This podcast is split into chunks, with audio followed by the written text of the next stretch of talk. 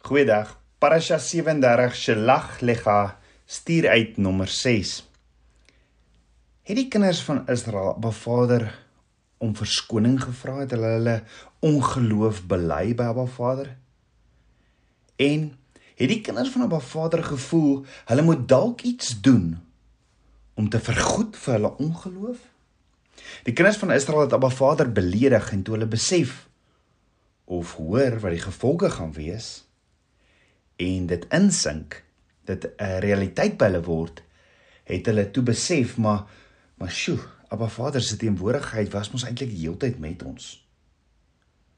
En daarom hoef ons nie te gevrees het vir die reëse nie. Ek dink hulle het tot die besef gekom met Abba Vader aan hulle kant of met Abba Vader se teenwoordigheid is hulle in staat tot enigiets. Soos wat hy met hulle was byvoorbeeld by die Rietsee. Daarom het hulle gedink om hulle fout, hulle ongeloof reg te stel. Kan hulle dalk jammer sê vir hulle ongeloof deur die Amalekiete aan te val en die land in te neem soos Caleb en Joshua gesê het hulle kan? Dit is wat hulle aangeneem of vermoed het wat Abba Vader wou hê hulle moet doen. Numeri 40 vers ag Numeri 14 vers 40 tot 43 sê en die môre vroeg het dit klaar gemaak en op die top van die berg geklim en gesê hier is ons en ons wil optrek na die plek wat die Here gesê het want ons het gesondig. Maar Moses het gesê waarom oortree julle tog die bevel van die Here aangesien dit tog nie sal geluk nie. Moenie optrek nie want die Here is nie in julle midde nie, anders word julle verslaan voor julle vyande. Want die Amalekiete en die Kainiete is daar voor julle en julle sal deur die swaard val omdat julle van die Here afvallig geword het. Daarom sal die Here nie met julle wees nie. Met ander woorde, Abba Vader het reeds besluit en vir Moses gesê dat die gevolge van hulle toedoen was dat hulle nie in staat sou wees om die beloofde land in te gaan nie. Net so vandag, in plaas daarvan om net ons foute te erken, om onsself te verneder en ons foute te bely, verdedig ons onsself eerder. Of ons vra sommer so vinnig en mompelend, sommer so in die gang verby om verskoning om ons beter te laat voel en dan probeer ons iets doen wat Abba Vader nie eers wil hê ons moet doen nie. Dink daaroor. Dalk is ons ook maar net soos die kinders van Israel, is dit nie? Jy sien so baie keer neem ons ook aan, Abba Vader sal dit en dit gedoen wil hê sonder dat ons regtig eers berou het oor wat ons gedoen het en dit bely by hom en dan neem ons aan of ons vermoed as ons dit en dit doen sal Abba Vader ons vergewe. Net soos die kinders van Israel neem ons ook sekere goed aan. Want sien die kinders van Israel het aangeneem om reg te maak vir hulle ongeloof by Abba Vader moet hulle die Amalekiete en die Kainite gaan aanval. En hoewel dit klink soos 'n redelike goeie aanname of dat dit 'n redelike goeie aanname kon gewees het, was dit glad nie wat Abba Vader wou gehad het nie. Veral as jy na die Hebreëse prentjie kyk.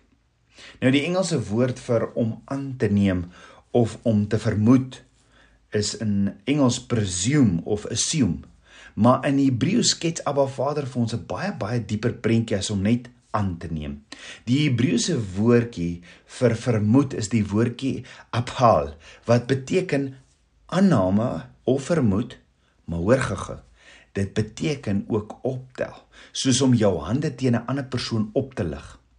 In hierdie konteks beteken dit die kinders van Israel het hulle self opgehef en wou doen wat hulle wou in plaas daarvan om op 'n Vader se woord eerder op te hef in hulle lewe en doen wat hy wou doen. En wanneer ons onsself oplig, sal ons beslis val want Spreuke 16 vers 18 sê trotsheid kom voor die verbreeking en hoogmoed kom voor die val. Die punt is om aan te neem of om te vermoed is om nie na Abba Vader of na sy aangewese owerhede te luister nie en eerder te doen wat jy wil doen. Vermoede is 'n ernstige sonde en lei altyd tot die dood in 'n area van ons lewens as dit in 'n onbely en berouvolle toestand gelaat word. Gehoorsaamheid is die teenoorgestelde van veronderstelling of vermoede en bring lewe aan elkeen wat glo in Abba Vader se woord. So ons het gesien Moses en Aaron het vir die kinders van Israel voorbeding gedoen of 'n intersessie gedoen. Maar toe sê Abba Vader vir Moses die volgende in Numeri 14 vers 12: Ek sal hulle, Abba Vader, ek sal hulle die kinders van Israel met die pes tref en hulle uitroei. Maar toe sê Moses vir Abba Vader in vers 13: "Maar die Egiptenaars het gehoor dat U deur U krag hierdie volk onder hulle uit laat optrek het en dit aan die inwoners van hierdie land gesê.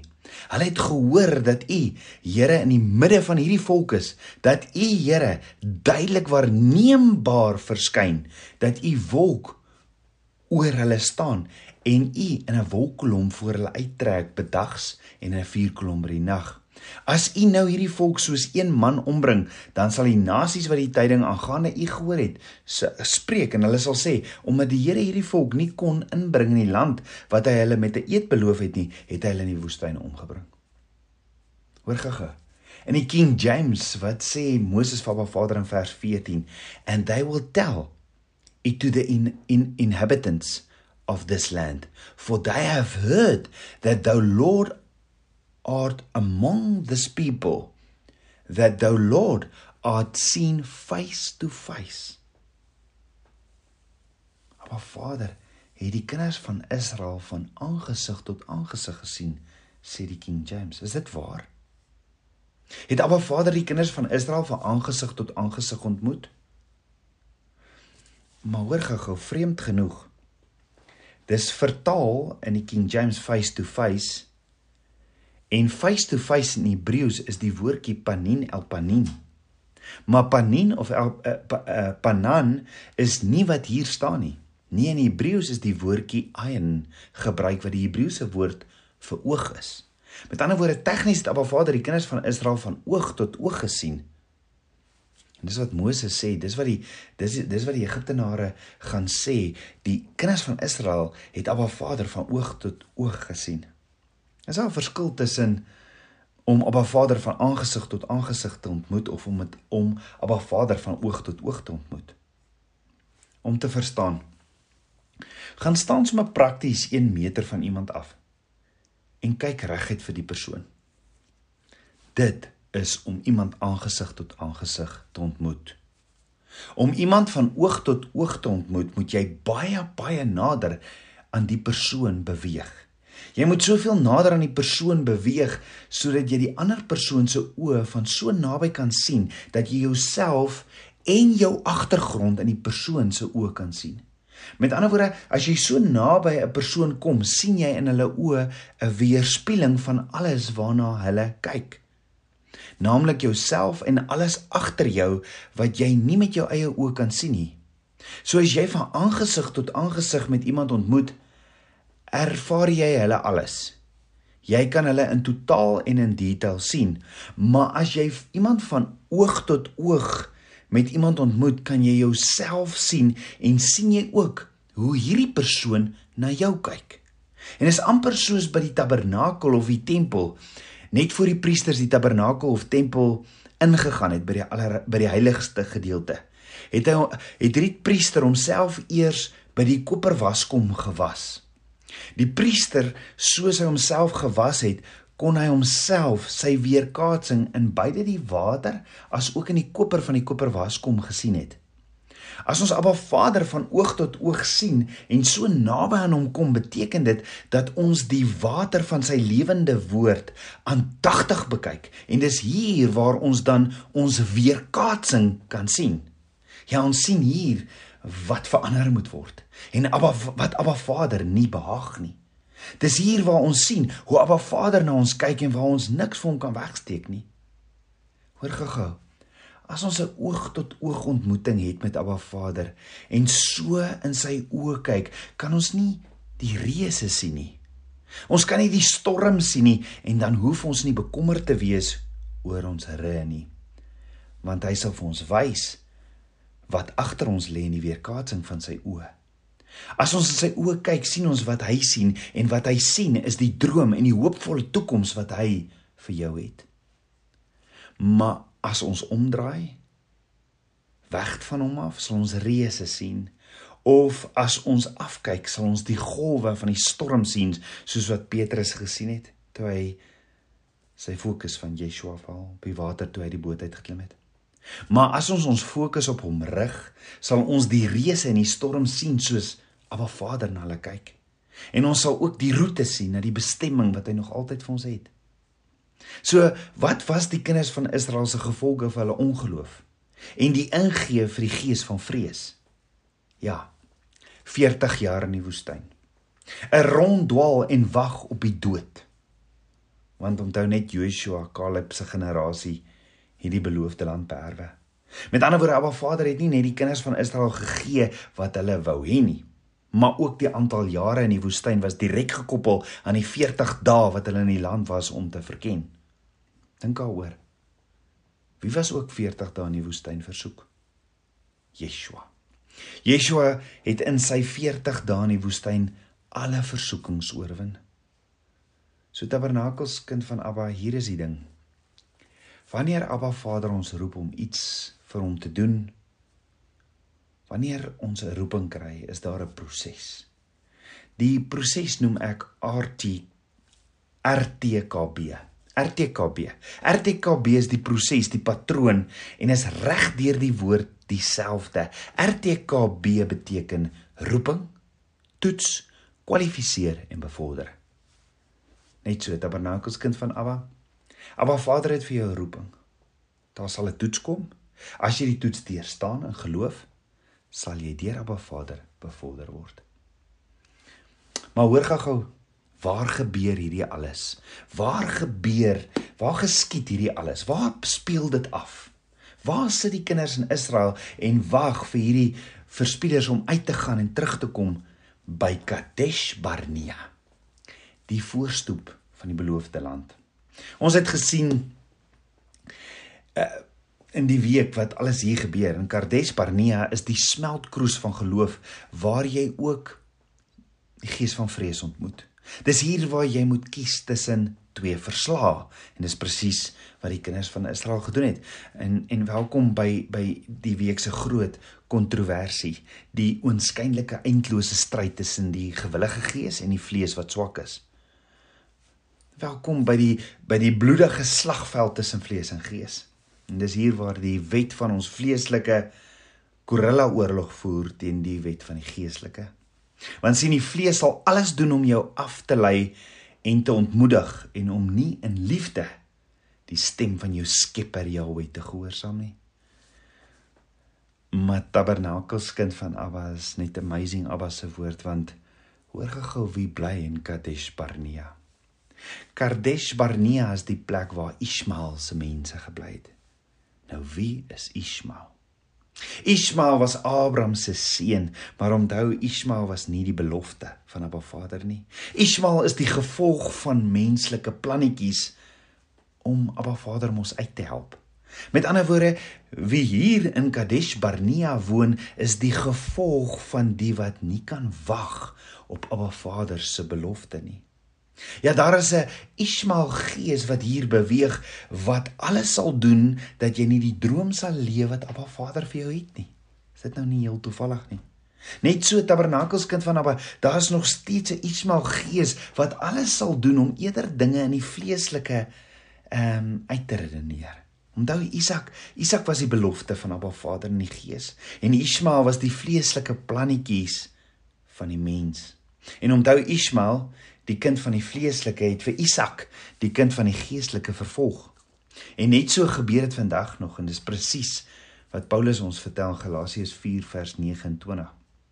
Maar dis nogal heel toevallig of toeval God se se lig is dit nie? Want dis hier waar die verspieder se verslag Abba Vader se belofte vervang het. Net soos wat Abraham en Sara gedink het om menslike plannetjies te maak en Abba Vader uit te help sodat die belofte wat Abba Vader gemaak het wat vir hulle menslike menslik onmoontlik gelyk het. En op hierdie selfde plek Kadesh Barnea ontmoet hy alles bymekaar. Nogal heel toevallig dat dit alles hier bymekaar kom, is dit nie? Jy sien is by Kadesh Barnea waar waar waar mense dit vir jou duidelik maak dat hulle weet waarvan hulle praat. Al is dit net 'n leë klisee. Emosionele gelaaide en halfgebakte opinies. Dis by Kadesh Barnea waar mense 'n hoër dink van hulle self ontwikkel en doen wat hulle dink is wys volgens hulle wee. Maar dan is dit niks anders as plain dwaasheid nie. Waar is Kadesh Barnea vandag? O, dis dis waar jy luister na almal se opinies en almal se menings en waar hulle vir jou 'n dosyn redes bring. O, en natuurlik waar hulle verplig voel om hulle opinies te lewer al is dit nie in lyn met Abba Vader se woord nie.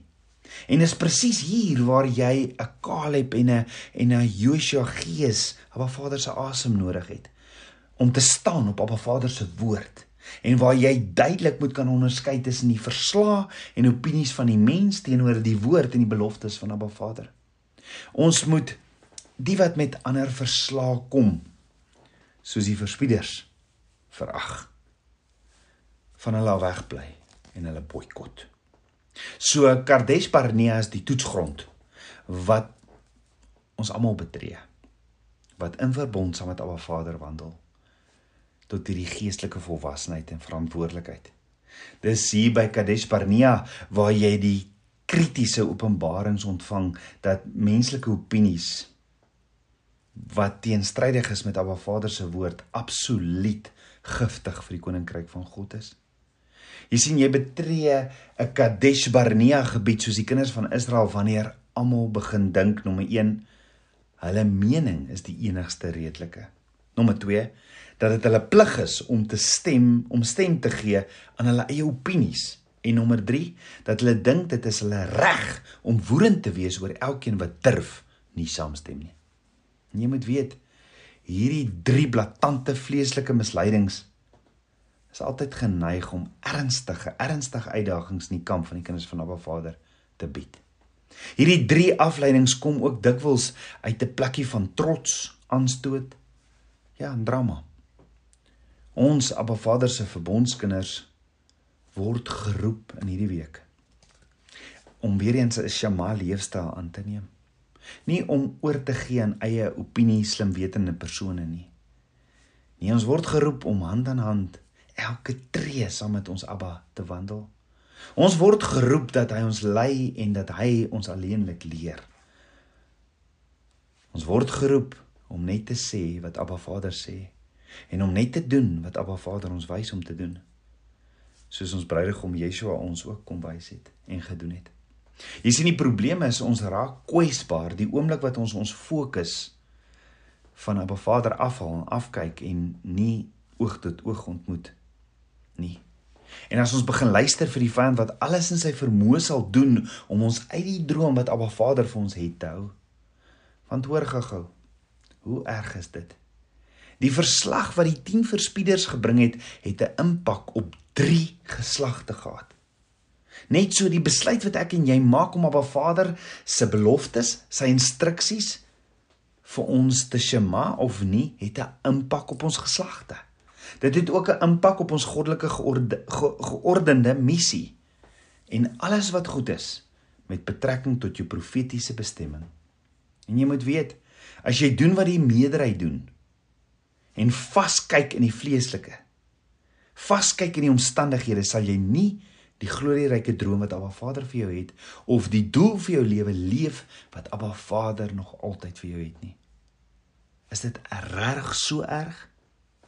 O ja, verseker. En die vraag is hoekom dit prys gee in ruil vir mensgesentreerde godsdiens. 2 Timoteus 3 vers 16 tot 17 sê die hele skrif is deur God ingegee en is nuttig tot lering, tot weerlegging, tot regwysing, tot onderwysing in die geregtigheid sodat die mens van God volkome kan wees vir elke goeie werk volkome toegerus. Met ander woorde, die keuse wat Adam en Eva in die tuin van Eden gemaak het om na die vyand te luister, asook die keuse wat die kinders van Israel geneem het by Kadesh Barnea is nuttig vir ons tot lering. Is nuttig vir ons tot teregwysing, tot onderwysing in die geregtigheid sodat ons volkome toegerus kan wees. Let wel, die keuse wat Adam en Eva asook die kinders van Israel gemaak het om op 'n Vader nie te shema nie, is nie in die woord sodat ons hulle kan beskuldig of oordeel of blameer nie, maar dis daar sodat ons nie dieselfde foute maak om op 'n Vader se instruksies se beloftes nie te sjema nie. So Tabernakels kind van Abba, kan ek jou vra vandag? Hoe belangrik is Abba se verhouding? Hoe belangrik is Abba Vader se woord? Hoe belangrik is Abba Vader se instruksies? Sy droom en sy doel vir jou lewe. Sal jy dit gaan haal. Kom ons bid saam. Aba Vader, skieper van my hart, ek loof en prys U. Aba, vergewe my my sondes. Vergewe my my ongehoorsaamheid. Vergewe my my twyfel. Papa, God kom was my met die waterbad van U woord. Kom leef in my. Aba, ek wil U oog tot oog ontmoet in diepe intimiteit saam met U wandel. Meer en meer van U. Ek bid dit alles in Yeshua Messie se naam, die seun van Jahweh. Amen. Shalom.